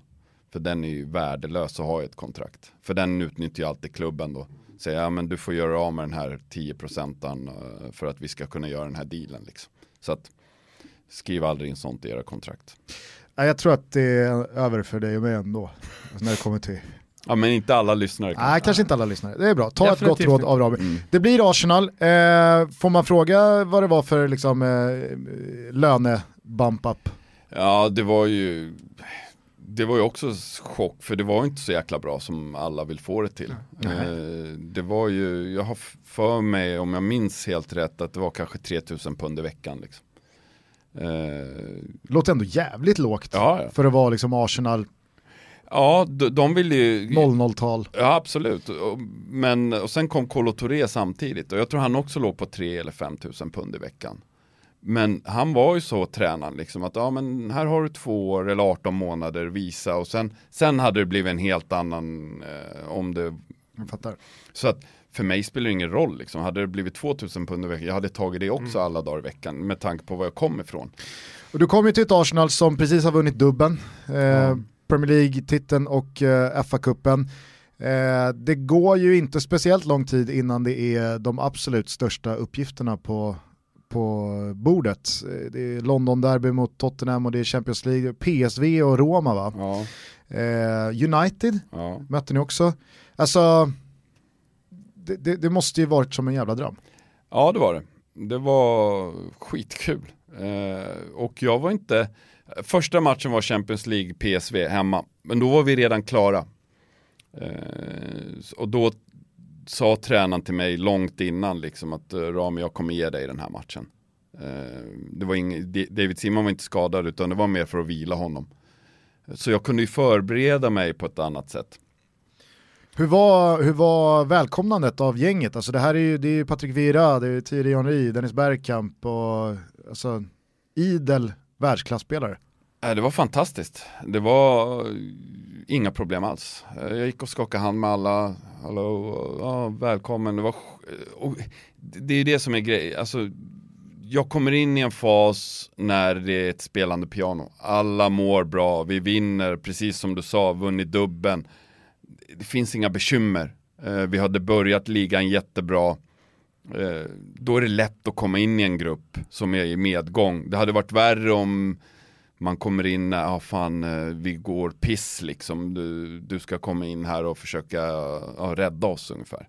Nu var inte situationen sån utan all, alla var ju på topp liksom eh, i sina karriärer och eh, Laget liksom. lag, det var ju det var ju ett maskin liksom. Så att, eh, men alla var skittrevliga. Här eh, pikade ju inte bara Arsenal utan även Arsene Wenger. Kan du inte beskriva honom? Vad, vad hade han som, som var liksom så jävla utmärkande? Nej, jag- tycker jag har fått den frågan också ett gäng gånger. För det jag tycker han gör så jäkla bra, det är att han, många spelare har sagt att han var ju som en extra pappa till mig. Eh, man ville verkligen vinna för hans skull. Eh, för han, han tog förlusterna så jävla personligt. Så att, och alla spelare, om du kollar en sån trupp som vi hade, så är det ju ofta hur du håller de andra spelarna nöjda. Det är ofta det det handlar om, att få ihop en grupp som alla funkar tillsammans. Och det var han mästerlig på. Till och med jag som inte hade gjort en minut kände mig eh, nästan som viktigast i laget. För jag bidrog med någonting. Och det kunde han plocka fram hos nästan alla spelare. Sen var det väl lite gnissel och tassel för vissa liksom. Men har du landslagsspelare som sitter på bänken som har vunnit VM, hur ska du hålla honom nöjd liksom? Det låter ju ändå tvärt emot väldigt många andra tränare man hör om, alltså, och så som det funkar ute i, i proffsvärlden på den yttersta nivån. Att, Hårt och kallt. exakt, det är hårt och kallt, tränaren har elva polare, det är de som spelar, men Ja. så, alltså, så här, du, du får väl sitta och böla om du vill. Ja. Det skiter väl jag i som tränare. Alltså, Ja, nej men han var absolut inte sån, utan det var och alla visste ju, ta sådana som var på gränsen, Viltord som eh, inte spelade jämt, du hade van Bronckhorst, du hade Kanu, du hade eh, bra spelare som satt på bänken ganska ofta. Eh, de, vi spelade ju B-lagsmatcher ihop. Det var inte alltid så glamoröst att spela på Barnet liksom med en lutande plan och möta ett gäng liksom. Men det, det var väldigt sällan att de var missnöjda. Sen ville de självklart spela men det såg man inte på dem. nej. Det, det, och det är en styrka för att, eh, du, för att du ska klara av att vinna så mycket så måste du nog ha spelare som klarar av och där är ju han hur han scoutar spelare, hur han tar in spelare. Är, han vill ta in vinnare. Det var det han sa. Ja, Rami, han sa det, jag kommer ihåg det Eh, andra säsongen när vi möttes. Liksom. Ni alla som sitter här, ni är vinnare. Ni har vunnit era ligor. Sen om det är vitryska ligan, men du har vunnit där hemma, du, du är en vinnare. Så det var väldigt viktigt för honom att ta in vinnare. Alla, eller kanske inte alla, men många som lyssnar på det här kommer givetvis också ihåg att den här otroliga sagan slutade ganska så olyckligt. Eh, på julafton av alla dagar 2002 så bryter du benet på en träning. Kommer du ihåg även den stunden i liksom, detalj eller har det flutit ihop till nej, en äh, gröt? Nej, jag kommer ihåg den stunden också väldigt väl. Uh, vi hade ett smålagsspel. Det var som du sa på julafton 24. I England firar man 25. Sen är det Boxing Day som kommer. Eh, och det här var ju ganska tät anslutning till de här matcherna du har spelat och du har gjort det jävligt bra ja, och resultaten har trillat in. Och... Absolut, allt var på topp. Jag, jag kommer liksom. ihåg det, det kändes som att säga, nej, nu är fan Rami Shaban, ja. han är Arsenals första keeper. Ja, ja, ja definitivt. Alltså. Jo, det men var det, några det otroligt bra matcher där. Jo, det, det gick bra. Jag hade ett fantastiskt självförtroende, men jag visste däremot att jag, är David Seaman frisk så kommer de spela honom. Uh, han var en fantastisk målvakt. Uh, han betydde enormt mycket för klubben, för spelarna. Han var en bärande spelare. Men jag tror att det där gjorde något också att andra lag i Premier League, kanske lite ner också, såg dig som en första målvakt när de scoutade. Absolut. Eftersom du gjorde det så bra. Absolut. Det, det så resonerade jag också i min skalle, att gör jag det bra här, så även om jag inte tar första platsen så har jag det nog nästa kontrakt, nästa kontrakt mm. kommer bli jäkligt bra. Eh, sen är det ju så generellt att målvakter har sämre kontrakt än vad utespelare har. Eh, det är bara att kolla Casillas när han lämnade Real Madrid. Han så mycket som han betydde för Real Madrid och var inte i närheten av de här Galacticos-lönerna liksom. Eh, men eh, om vi ska tillbaks så minns jag situationen väldigt väl. Eh, vi hade ett smålagsspel Eh, Dennis Bergkamp skulle lobba, han var ju grym på det.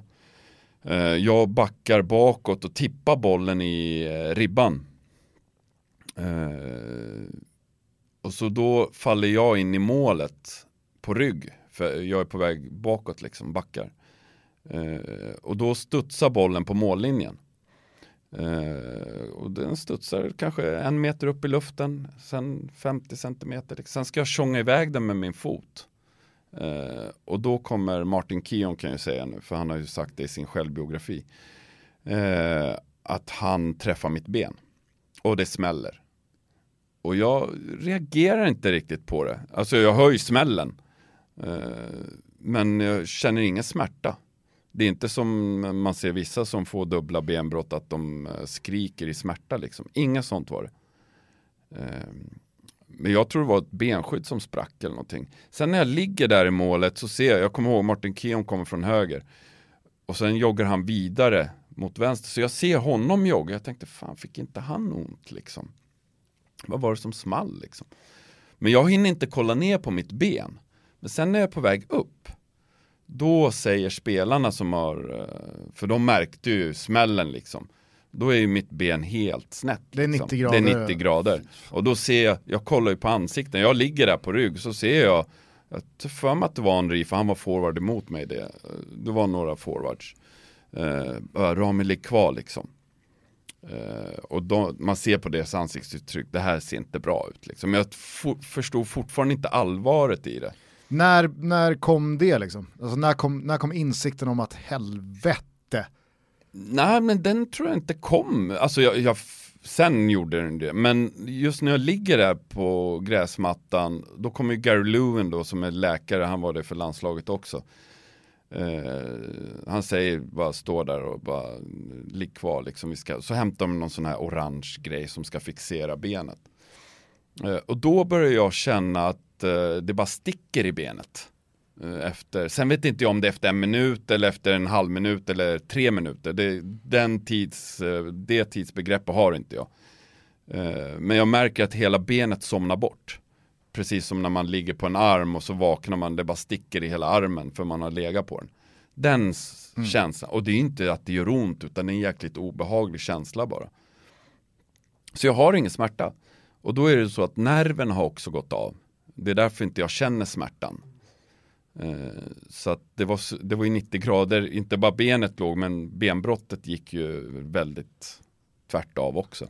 Det här blev ju eh, väldigt tråkigt eh, nog början på slutet i, av din tid i Arsenal. Du var ju kvar i eh, ett par säsonger till, eh, satt på bänken en del under Invincible-säsongen 03-04 och sådär. Men hade du svårt att komma över den där skadan, att det liksom blev så karriärsdefinierande åt fel håll? Det visste man ju inte då. Nej. Uh, man visste, jag, jag, där var väl jag naiv liksom. Jag tänkte, ah, fan jag är ändå i Arsenal, det kan inte vara så jävla svårt att hitta en klubb sen efter när kontraktet går ut. Uh, jag fick ett avtalserbjudande från saint igen i Frankrike på ett år. Uh, som jag tackade nej till. jag kände att, nej, jag, för mitt självförtroende var inte på topp då heller. Eh, och komma in och fighta som en plats där. Skulle jag hamna på bänken i Santet igen så skulle ju nästan det bli omöjligt att ja, gå vidare liksom. Så jag ville gärna ha ett längre kontrakt där jag kunde bygga upp mitt självförtroende. Eh, kanske ha råd att misslyckas någon gång. Eh, så jag eh, Just den fasen var jag väldigt naiv. Jag, jag trodde det skulle gå mycket lättare än vad det gjorde. Sen eh, gick jag igenom en skilsmässa i den perioden också, så mentalt så var det jäkligt tungt liksom. Men kände du att du var tillbaka på samma nivå fotbollsmässigt? Nej, det gjorde jag inte. Uh, jag spelade en hel del B-lagsmatcher det året, vart utlånad till West Ham en månad också. Uh, kände inte att jag, det hämmade mig. Uh, sen hur mycket är jättesvårt att säga. Jag, jag tyckte inte att det hämmade mig sådär jättemycket, men sen när man ser de matcherna Eh, så kände jag att mitt rörelsemönster var inte som det var innan. Eh, min balans var inte, det, det, är många faktorer som gör, men jag visste ju att det kommer ju läka, det är ett benbrott liksom, det är mm. inte svårare än så. Eh, jag kände egentligen, det tog lång tid innan jag kunde känna att jag var trygg med det och ja, kunde hoppa på ett ben och det är inte, alltså du har en annan belastning på det som målvakt än utespelare uh, utespelare springer med. Jag hade inget problem att springa men hoppa upp på ett ben hela tiden. Jobba spänstövningar. Liksom. Spänstövningar, liksom. exakt. Explosivitet. Det var ju det som hämmade mig. Men den mentala biten då? Blev du, liksom, blev du bitter senare eller eh, kanske fortfarande, eller har du förlikat dig med att det blev som det blev och det, det, hade inte kunnat gå på något annat sätt? För det finns ju många spelare som det skulle ha blivit så mycket mer, men så kom en knäskada eller så kom vad det nu kan ha varit. Ja, men jag var aldrig så att jag gick ner i källan liksom mentalt. Jag var alltid positiv, jag, av naturen liksom. Jag, fan, jag är i London och åker på det här benbrottet och alla spelare runt omkring sa fan vad bra du tar det här liksom. Uh, var det någon skuldkänsla från Martin Kio? Nej. det är Martin Keown. Det låter liksom. som ja. Martin Keown i och för sig. Nej, det enda jag hörde var att han inte kunde käka lunch efter träningen. Han mådde dåligt av det, men sen var det inte, och det tycker jag var lite märkligt. Eh, jag, eh, det var ju många som var besökte mig på sjukhuset. Kanu, eh, Vera, van Bronco, många spelare var, besökte mig, men inte Martin Keown. Sen vet inte jag om det var att han tyckte att det var jobbigt. Och Ni kanske... snackade aldrig ut om det? Nej, det gjorde vi inte. Uh, vi, uh, jag har ingenting emot han personligen sådär, absolut inte. Folk hanterar det på olika sätt.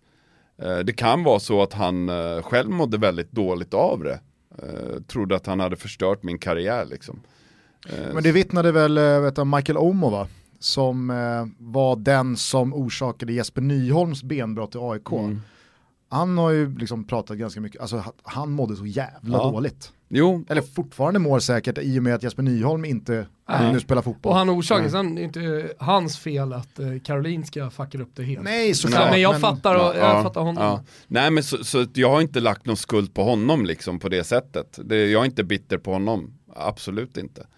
Uh, jag har förståelse för det, uh, att man så kan i, må skitdåligt för det. Så idag så blickar du tillbaka på tiden i Arsenal med bara liksom, positiva känslor och minnen eller finns det fortfarande någon tagg i det som är så här, ah, fan det skulle ha blivit så mycket mer? Nej, det är väl mer undra vad som hade hänt om jag inte eh, hade åkt på det där benbrottet, absolut. Det, den tanken går i min skalle, inte väldigt ofta men det sker. Eh, och, men det var nog värst på våren där sen för att Då hade vi Champions League-matcher, då hade fightades jag med Stuart Taylor också, han var ju keeper med David Seaman.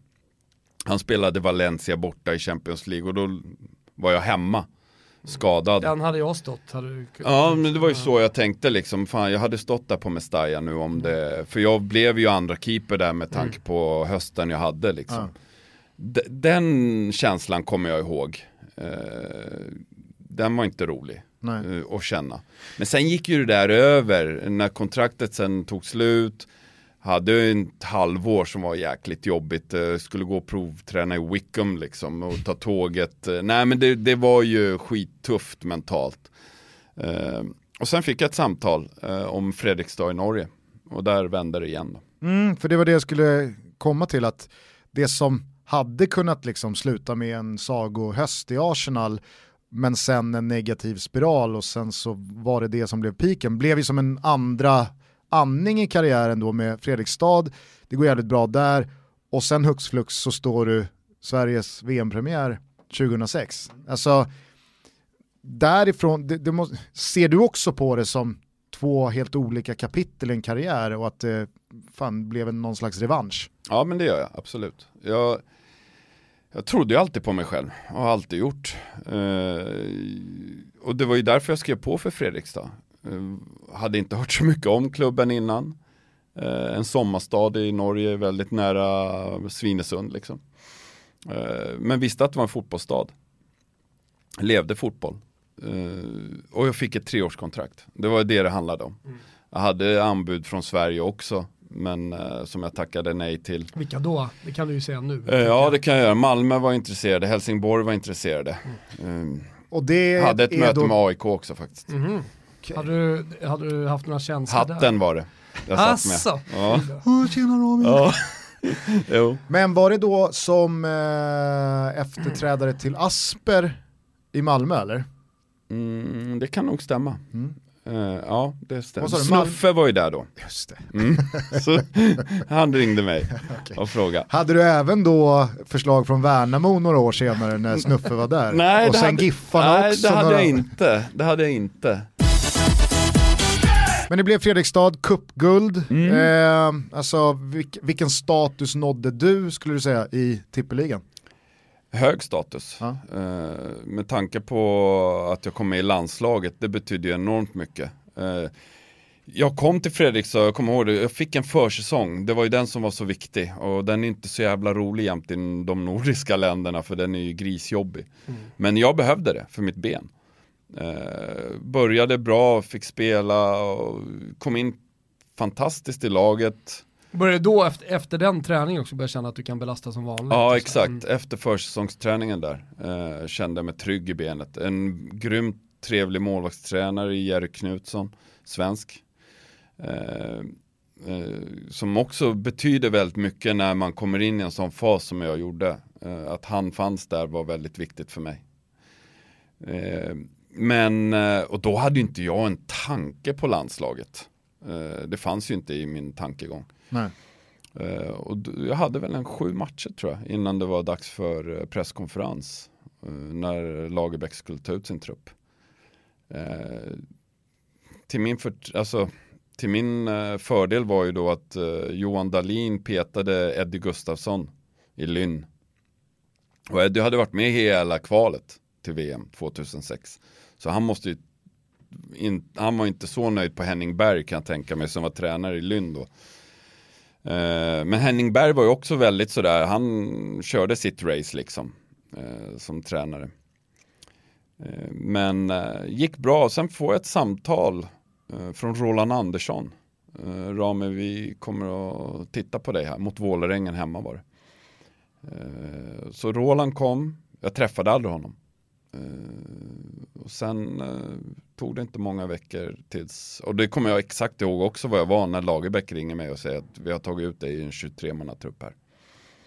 Jag satt på ett café, konstigt nog. Drack kaffe? ja, faktiskt, espresso.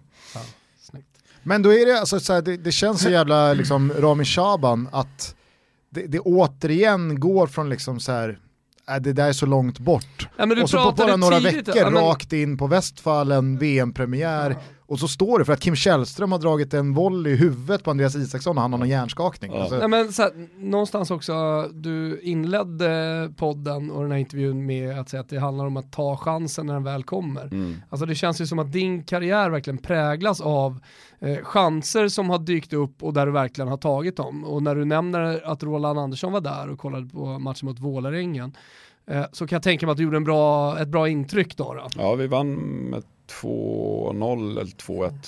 Nej men det, är- det är det det handlar om i fotboll. Alltså, det finns så många fotbollsspelare där ute som, jag har tränat med enormt många målvakter som är så mycket bättre än mig. Talangmässigt. Ja, talangmässigt, fysiskt, Tekniskt, allt, eh. tek- allt. Men, sen kanske jag underskattar mig själv, men eh, det har känts så i alla fall. Men så fort de har spelat så har de inte levererat. Och då får de inte så många chanser. Eh, jag kan tänka mig en sån eh, som är, han är en fantastisk människa, eh, har allt som en målvakt behöver men har inte tagit det steget. Lee Baxter. Mm. Det är en sån målvakt till exempel. Som, han har inställning, han har, alltså än idag, han är i Sydafrika nu, men än idag är han ju ja, fantastisk liksom.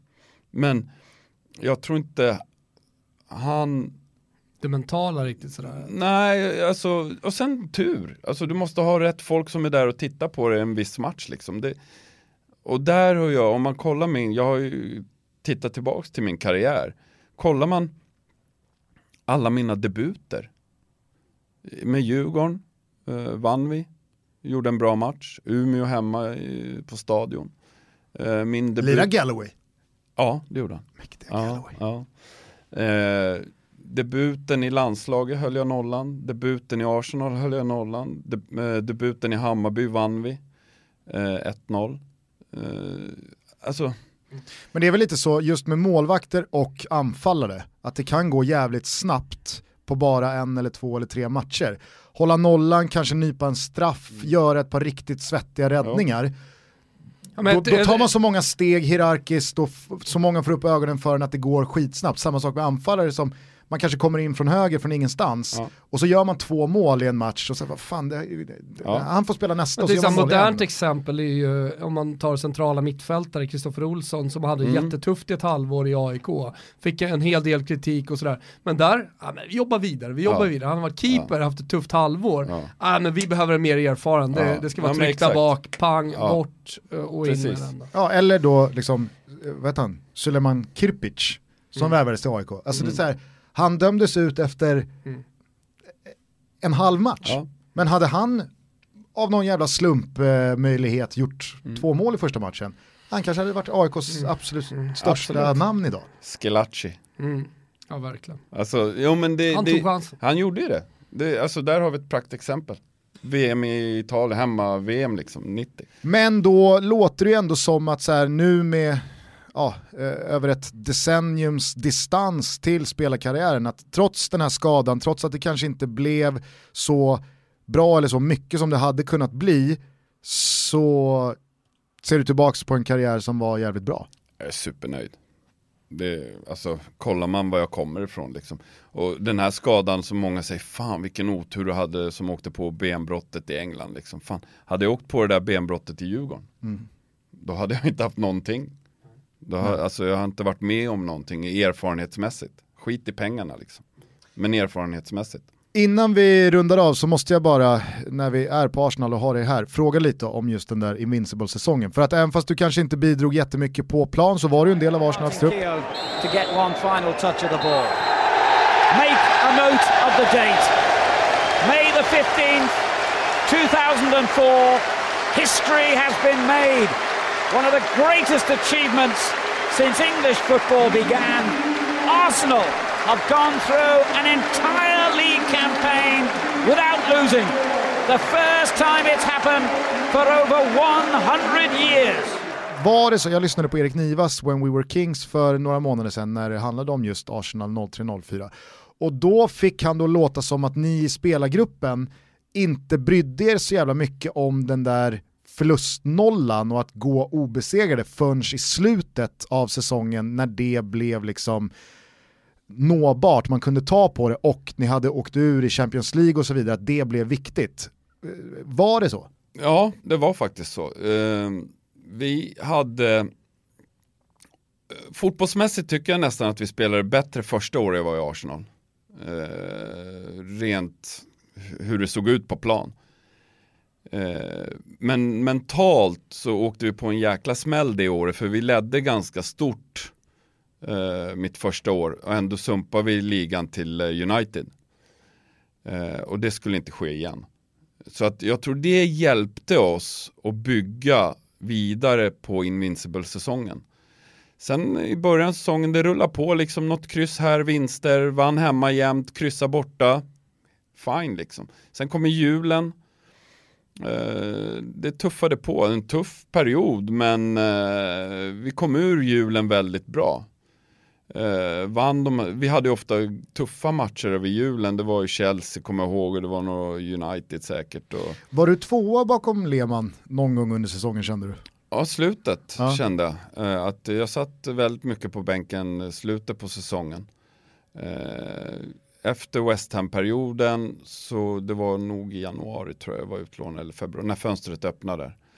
Eh, kom tillbaks, träna på. Men jag var inte lika mycket två som jag var innan skadan, det vill jag inte påstå. Det... Sen så känns också Jens Lehmann som en sån målvakt som han spelar, han spelar skadad om det behövs. Alltså han ja. missar inte en sekund. Nej men det gjorde han inte det året. Han missade, Graham Stack var ju andra keeper det året också och Stuart Taylor var med. Uh, han spelade inte en minut. Uh, det kan ha varit någon sån här uh, Carling Cup hette det då på den tiden. Fått någon sån match tror jag han fick. Men alla fa Cup-matcher, alla Champions League-matcher, alla Premier League-matcher spelade han. ja men det var en robot, alltså han var en maskin. Eh, så att det, det, var ju dels därför jag aldrig fick chansen heller. Mm. Plus att då att jag pratade med tränaren i mars, april. Han sa det, Rami, du, jag vill gärna behålla dig men jag vill se dig först spela. Att du håller. Men, eh, och jag Fick. kan inte, ja, men jag kan inte byta ut dig. Ja, men, och jag sa, jag förstår Jens har förbjudit mig att peta honom. Ja exakt. Nej men jag, jag, sa det, jag kan förstå det liksom. Eh, jag skulle ju själv inte bytt målvakt. Jävlar vad svenskt. Nej men det, det, nej, men det gör jo, men det, jo men det gör jag faktiskt. För jag, ja, där är jag väl normal kanske. Ja men jag menar bara så här, mm. det känns som en ganska så här, svensk mentalitet mm. att vara öppen och ärlig med det. Jo. Andra kulturer och andra mm. spelare från andra länder kanske har de där vassa armbågarna att så här, sätta sig på tvären, det är äta eller äta ja. som gäller. Jo, och det ja, så har vi ju Jimmy Fontana, den italienska målvakten, så bara för in lite mer italienskt här känner jag. Eh, han, han skrev en bok om livet som andra målvakt. Han, mm. han var en hel karriär andra målvakt. Han och Stuart Taylor. Men var alltid bra när han kom in. Stuart, ja, Stuart Taylor, likadan. Ja, ja, men var alltid bra när han kom in. Ja. Alltså, och då fick han alltid kontrakt, ja. för de visste, den här jäveln vet du, han kan vi, han kan vi ha här. Eh, och vi, vi, kan lita på honom när han kommer in. Jo. Kan satsa lite ungt, funkar det inte, ja, men då kör vi in Jimmy Fontana liksom. Och det är ju också en styrka ja. så att säga. Det kanske också har tagit dig mm. till alla de platser som jo, du har varit på. Absolut. Att du har varit ödmjuk eh, och inte satt emot tränarna. Och det är det jag tror gör att jag fick, fick chansen landslaget. i Djurgården. Ja, Djurgården. ja och du fick, mm. ja, Djurgården först. Mm. Att, eh, som Snuffe sa, ja. men fan, du, du, du har verkligen ja. varit, eh, hanterat situationen på ett bra sätt. Och så vidare och så vidare. Det här var ju också en period där rivaliteten mellan Arsenal och Manchester United ja, men pikade. Ja. Vilka jävla duster och bataljer det var ute på plan. Inte minst då mellan Patrik Vieira och Roy Keane. Mm.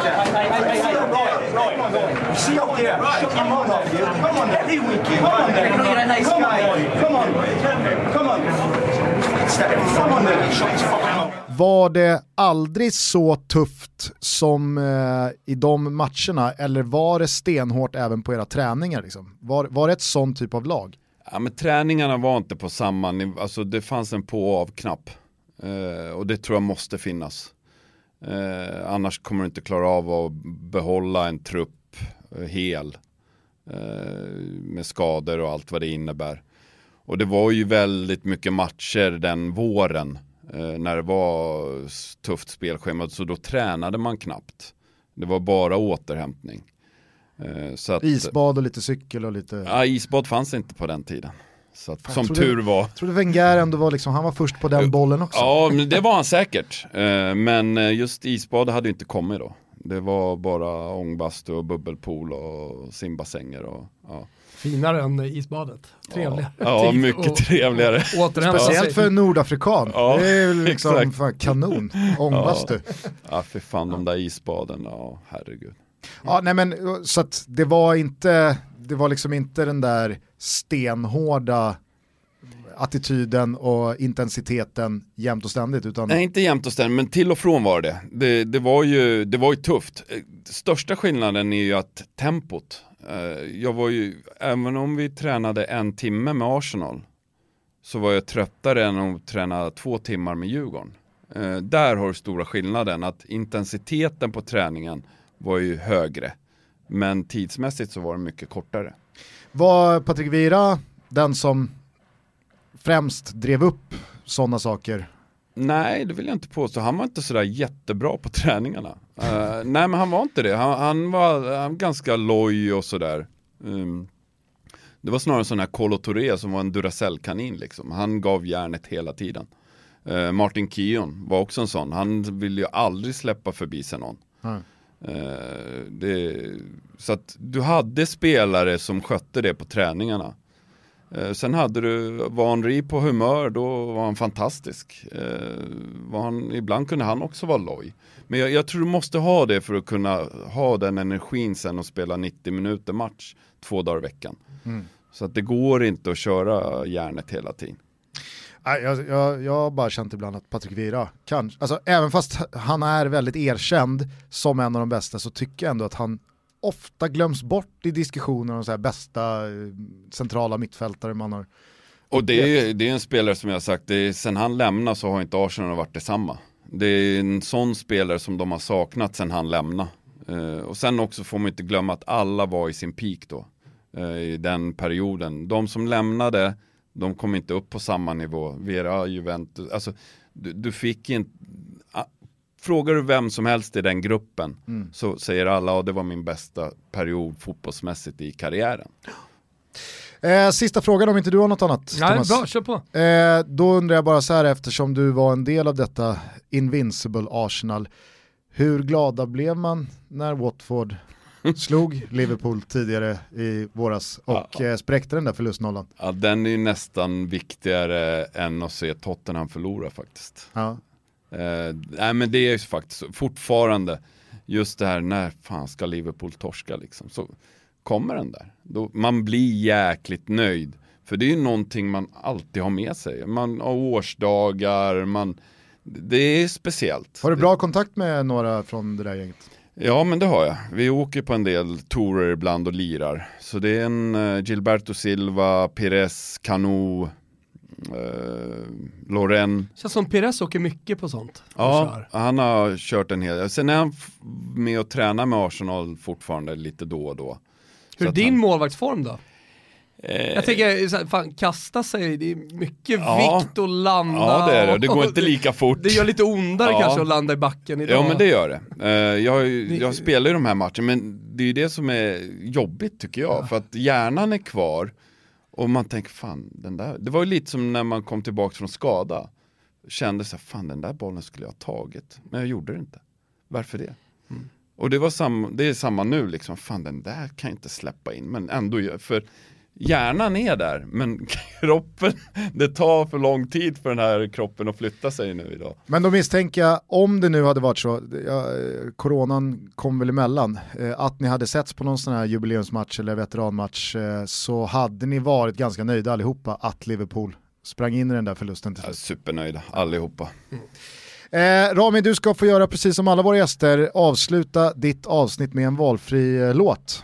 Vad, vad lyssnar du på? Jag och min son brukar lyssna på Eye of the Tiger när det är match. När vi åker till fotbollsmatch så kör vi Eye of the Tiger. Vet du vad jag och min dotter kör? Nej. Ali, ali, ali, ali, ali, Ja, ali. Man har sådana här rutiner liksom. Ja. Så att, eh, nej. Nej men härligt, då rullar superproducent Kim Wirsén igång Survivors med eh, Eye of the Tiger. Vi lyfter på hatten för Rami Shaban och säger stort tack för att du kom gästade Toto Balotto. Stort Tackar. tack. Tack. Ha en trevlig helg så hörs vi nästa vecka igen. Det gör vi. Ciao tutti! Ciao tutti!